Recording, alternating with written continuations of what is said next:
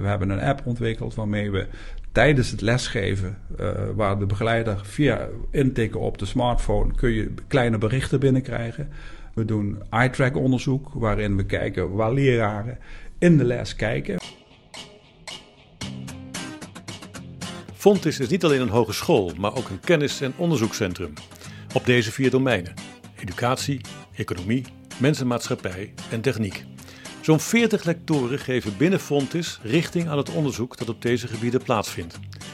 In deze serie podcast spreek ik met hen over hun onderzoek en hun gedrevenheid, maar ook over waar de innovaties die eruit voortkomen zichtbaar zijn in ons leven.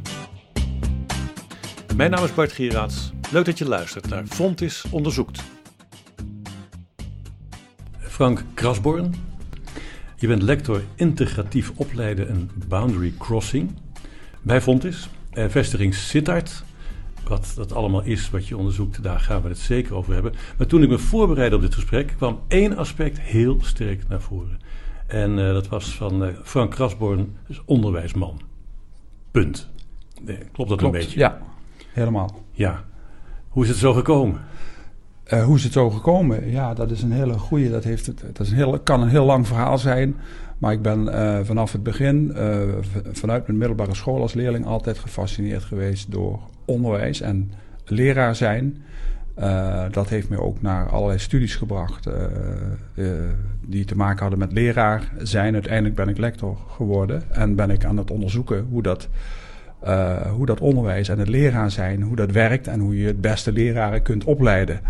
Uh, Want ik dacht al, die Frank moet of hele goede leraren gehad hebben, of hele slechte, waarvan die dacht van nou, die zijn zo slecht, ja. dat mag echt nooit meer ja. gebeuren dat die voor de klas komen. Allebei, dat, ja, maar het... vooral de inspiratie van de goede mensen. Ja. Uh, kan wat, me... wat hadden die? Wat, waar, wat, nou ja, ik kan me herinneren, een uh, natuurkundeleraar, dat was niet mijn sterkste vak.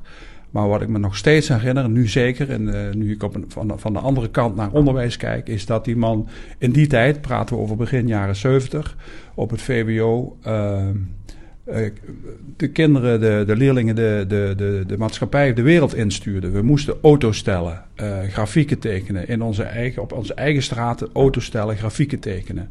We mochten bij tentamens of examens proefwerken mochten we spiekbriefjes maken. Dat was ongekend begin van die jaren. Spiekbriefjes. Ach, spiekbriefjes. Je mocht dus alles leraar. opschrijven uh, wat je dacht nodig te hebben tijdens uh, het proefwerk. Achteraf denk ik, ja, dat waren in die tijd waren dat, dat, dat dingen die zijn bijna nu redelijk normaal. Dat je, dat je ook wat dingen mee mag nemen. Dat was toen voor mij een openbaring. Omdat het mij ook hielp om het vak een beetje natuurkunde, wat een heel abstract vak was in die tijd, om dat wat levend te krijgen. Want je mocht statistiekjes maken, je ging, naar je eigen wereld kijken, spiekbriefjes maken, dat hielp mij natuurlijk ontzettend. Maar op het moment dat je ze gemaakt had, had je ze niet meer nodig. Eigenlijk, dat was natuurlijk de diepere. Uh, dus dat was een goede leraar als het ging om didactiek, als ik er nu naar kijk.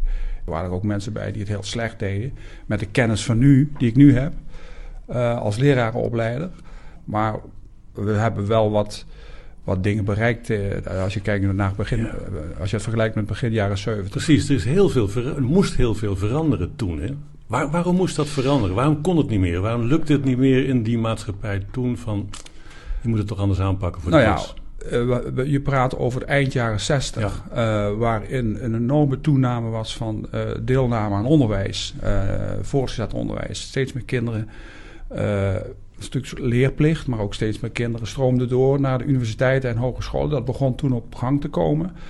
Um, dus het onderwijs was heel erg uniform. Hè. We zaten uh, tot aan de jaren 50, 60 in klassen, in rijtjes. Uh, dus een belangrijke boodschap in die tijd was: we moeten kinderen veel meer hun, hun talent, aan hun talenten tegemoet komen. We moeten meer kinderen moeten doorstromen naar hoger onderwijs om kansengelijkheid te creëren. En nou, dat was een belangrijke maatschappelijke of politieke agenda. Uh, waardoor we opnieuw gingen kijken, hebben we dan ons onderwijs wel goed georganiseerd? Maar die paste niet zo in die Dat paste niet, want het was uniform. Je, was, ja. je zat in, uh, tot je twaalfde, moest je keuzes maken. Dat is nu weer een thema natuurlijk. Uh, en dan was je vanaf je twaalfde gepredestineerd in een bepaalde uh, onderwijsroute. En de flexibiliteit tussen die schooltypen die was heel gering. Dus dat onderwijssysteem, voortgezet onderwijs heb ik het over, moest veranderen. Toen kwam de Mammoetwet. Uh, het, uh, en vervolgens als in het verlengde van die Mammoetwet, waarin er meer ruimte kwam voor talentontwikkeling. De brugklas kwam, uitstel van keuzes. Er kwamen nieuwe vakken op. Vakkenintegratie werd belangrijk. Dus op dat moment kwam er ook een totaal nieuwe vorm van lerarenopleidingen. De nieuwe lerarenopleiding heette het ook. Waarin leraren niet meer uh, in hun vrije tijd uh, uh, vakken volgden om nog een extra bevoegdheid te halen in een vak. Maar ook pedagogisch didactisch in een voltijdopleiding voor het eerst leraar konden worden. Dus, wat, wat moesten ze anders doen? Nou, het belangrijkste was dat tot die tijd, 100 jaar lang, leraren, uh, goede leraren, dat was het beeld van een goede leraar was diegene die veel van zijn vak weet. En vanaf die jaren 70 stond de mens meer centraal, het, het kind en talentontwikkeling. En vanaf die tijd moest je ook pedagogische vaardigheden ontwikkelen, didactische vaardigheden ontwikkelen. En dat werd expliciet onderdeel van het curriculum van de lerarenopleiding. Dus het, het beroepsbeeld van wat een leraar moest doen, dat veranderde in die tijd. Maar het moest in de jaren negentig weer veranderen. Ja, dus wat, onderwijs wat ging, waarom, ging, waar, waarom liep het daar mis? Nou ja, eigenlijk als je kijkt naar de, de, de belangrijkste functies van onderwijs, hè, kwalificatie, dus zorgen dat er mensen op een goede plek komen en mee kunnen doen in de maatschappij, socialisatie, burgers, burgerschap, uh, dat mensen ook snappen in welk soort samenleving ze werken en, uh, of, of, leven en daar ook mee kunnen doen. En persoonsvorming, talentontwikkeling, persoonlijke ontwikkeling, die doelen die staan nog steeds recht overeind. Alleen we zoeken steeds naar nieuwe routes om dat ook op grotere schaal voor elkaar te krijgen. En elke keer weer zijn er nieuwe pogingen of initiatieven om dat wat we toen wilden, dat willen we eigenlijk nog steeds. Alleen in een andere vorm en op een andere manier. integratief opleiden en boundary crossing. Even beginnen, wat, wat is uh, integratief opleiden? Integratief opleiden, uh, ik vertel zojuist over dat een goede leraar is iemand die vakinhoud kent. Als je die kent, ben je een goede leraar, dat beeld. Opleiden betekende ook verdiepen in het vak, in de vakinhoud, in de wiskunde, in de, in de geschiedenis.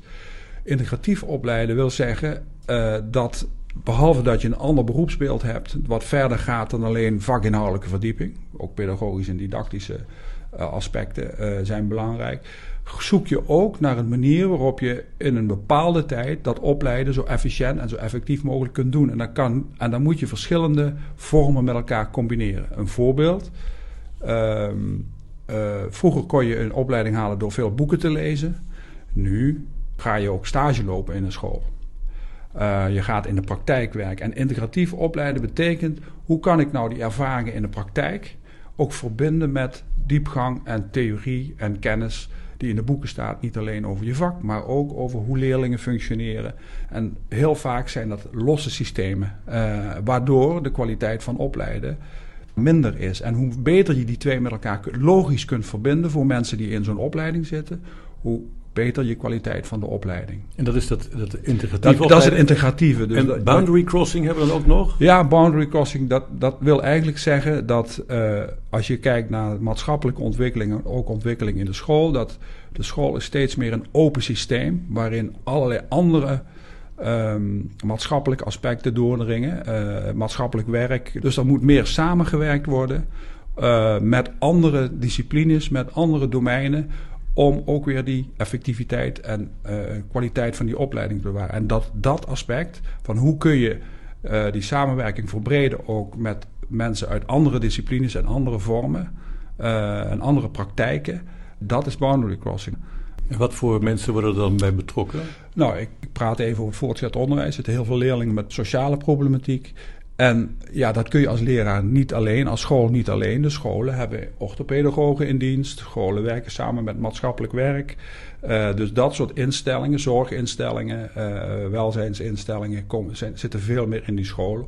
Dus die leraren hoeven het dan niet zelf te doen, maar die kunnen mensen inschakelen om ja. bepaalde problemen te tackelen. Ja, bij de je hebt tot in de eerste lijn als leraar kun je heb je wel een signaleringsfunctie. We hebben op school natuurlijk specialisten, leerlingbegeleiders. En daarnaast hebben we in de tweede en de derde lijn uh, ja, samenwerking. Elke school zoekt dat op Leuk dat je e-, eerste lijn zegt. Ik moet meteen aan een huisarts denken. Dat je ook gewoon doorverwijst. Ja. ja. dit kan ik niet. Uh, ik kan het wel signaleren. Ik kan het diagnosticeren, maar. Uh, ik kan niet meer aan de gang. Nee. Maar hoe doe je dat? Hè? Ik snap dat je, um, dat je vaktheoretische kennis moet hebben. Ik snap dat je dat moet kunnen overbrengen. Uh, maar hoe, hoe. Ja, je moet eigenlijk iemand opleiden tot een mens. die antennes heeft, die dingen oppikt in een klas. Hoe, hoe leer je dat? Nou, een heel belangrijk uh, aspect in de, in de opleidingsprogramma's van leraar is natuurlijk praktijk. Uh, dus we hebben uh, de laatste 10 jaar, 15 jaar in Nederland een heel belangrijke stap is geweest dat we de samenwerking met de scholen, de leraaropleiding in de scholen, hebben belangrijke stappen gezet om samen te werken. En dat, dat is met één bedoeling om mensen uh, al snel in, de, in hun opleiding in de praktijk van de school te brengen. En wat we proberen samen met de scholen is die kwaliteit van die leeromgeving in de praktijk. Ja, dat, daar zijn een paar dingen belangrijk om het dan ook te, te laten werken. Wat dus voor dingen zijn belangrijk? Nou ja, bijvoorbeeld één uh, aspect is welke taken en opdrachten krijg je in een school. Moet je bijvoorbeeld uh, precies nadoen wat je stagebegeleider, waar, waarmee je in de school samenwerkt, moet je hetzelfde doen wat hij of zij doet? Of mag je, krijg je ook de ruimte om zelf nieuwe dingen te bedenken of ruimte om met leerlingen zelf iets te ontwikkelen? Dat is een belangrijk, heel belangrijk gegeven. Dus dat is de, de, de, de mate van uitdaging die de werkplek voor jou biedt. Maar het lijkt zo logisch eigenlijk, dat je gewoon echt ruimte krijgt. Want het is maar, toch... maar goed, als je in de brede zin kwaliteit van opleiden wil verbeteren, dan moet je natuurlijk ook wel wat uh, afspraken over maken met scholen. En dat gebeurt op landelijk niveau. Dus is nog een verschil met wie je dan, wie je stagebegeleider is. Er zijn professionaliseringstrajecten voor de mensen in de school. Dus kortom, uh, we, we, proberen als kern van de opleiding die praktijksettings waar we mensen naartoe sturen. Uh, in samenwerking met de scholen proberen we die leeromgeving als het ware uh, van voldoende kwaliteit te voorzien. En vanuit, van daaruit proberen we, laten we zeggen, algemenere kennis te koppelen aan praktijkervaringen. Andersom werkt niet altijd even goed. Dat je eerst mensen uh, boekjes laat lezen en dan zegt probeer het maar in de school. Het, is, het werkt veel beter als je vanuit praktijkervaringen uh, dat verdiept met theoretische of algemene kennis die op dat moment ook functioneel is. En dat, is, dat noemen we dan opleidingsdidactiek, het nadenken over hoe je die verbindingen precies maakt. Uh, dat is de kern van mijn lectoraat. Hoe maak je die verbindingen in, in opleidingstrajecten voor leraren, zodat die praktijk en die theorie op een goede manier, op een zinvolle manier voor de mensen die, die het moeten doen, bij elkaar komen.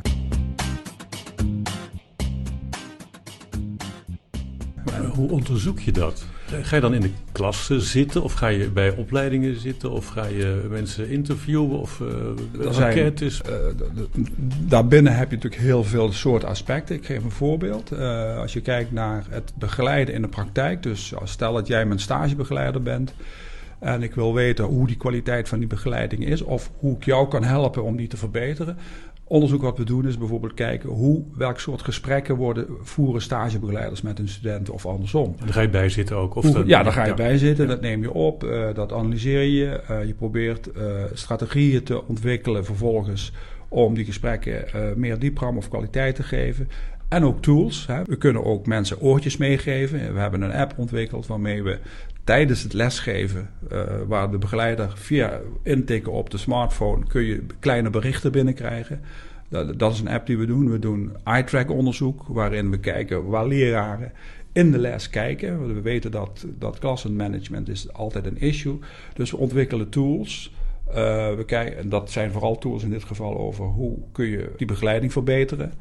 Dat is vaak kwalitatief onderzoek. Dat wil zeggen, we kijken echt naar eerst wat er gebeurt in de praktijk. En uh, met de kennis die we daaruit halen, proberen we tools en instrumenten te ontwikkelen die leraren, opleiders en begeleiders kunnen gebruiken om uh, studenten beter te begeleiden. Dat is, dat is één ding.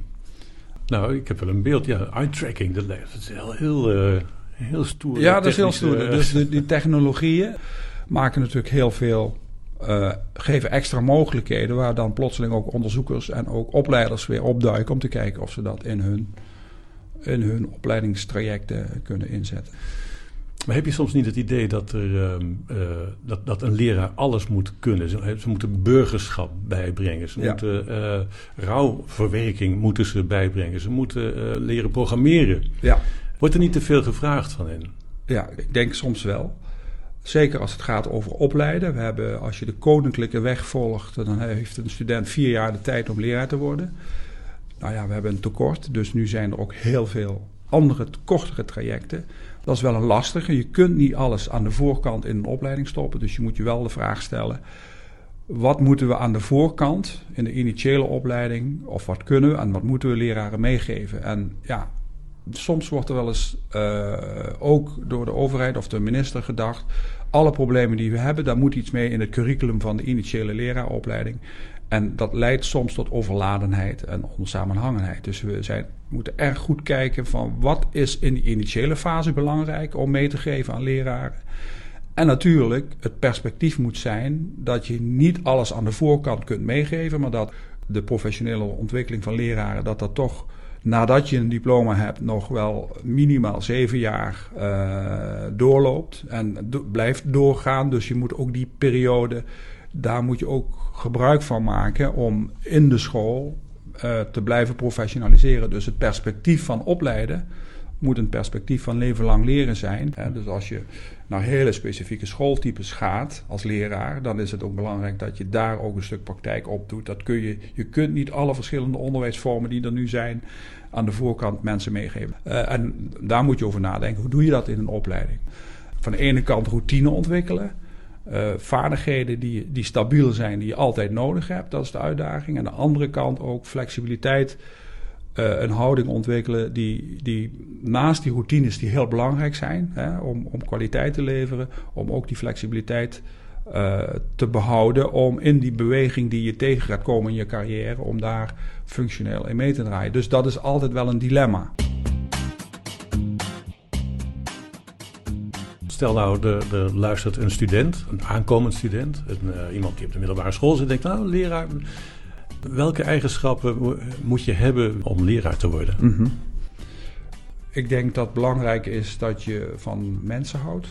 Dat je het fijn vindt om uh, samen te werken, of met kinderen te werken, of met collega's, want dat is ook belangrijk. Dus dat is een belangrijk aspect. Dat is nu in deze tijd misschien nog, wordt iets meer belangrijk gevonden dan puur de vakinhoudelijke kennis. Blijft natuurlijk belangrijk hangt ook een beetje van je onderwijstype af. Hè. Dus als ik op uh, eindexamenkandidaten VWO heb, dan zal die vakinhoudelijke kennis belangrijker zijn dan uh, leerlingen die meteen in een beroepsgerichte uh, leerweg gaan. Hè. Dan is dat vak ook wel het beroep belangrijk. Dus het hangt een beetje van het schooltype af. Maar ik denk die combinatie, die oude combinatie van passie en belangstelling voor je vakinhoud of het gebied waar je les in geeft daar enig enthousiasme in uitstralen, enerzijds. En anderzijds dat ook willen verbinden met, met, uh, met de mensen waar we voor je het doet. Die twee, uh, dat zijn, blijven voor mij toch belangrijke pijlers. Toch weer die leraar natuurkunde ja. die je hebt gehad. Bijvoorbeeld. En we hebben de projecten ook in de leraaropleiding waarin we in de middelbare school uh, leerlingen van elkaar laten vertellen of ze een goede leraar zijn. Natuurlijk proberen we ook in de middelbare scholen uh, goede mensen te vinden. Dus er zijn projecten waarin we in een klas aan kinderen vragen: wie van jullie zou je nou een goede leraar vinden om kinderen die misschien die kwaliteiten hebben om die meer bewust daarvan te maken. En je ziet daar hele mooie resultaten uitkomen. Dat leerlingen van elkaar eigenlijk best goed kunnen vertellen ja. uh, wie ze eigenlijk in hun klas een goede leraar zouden vinden.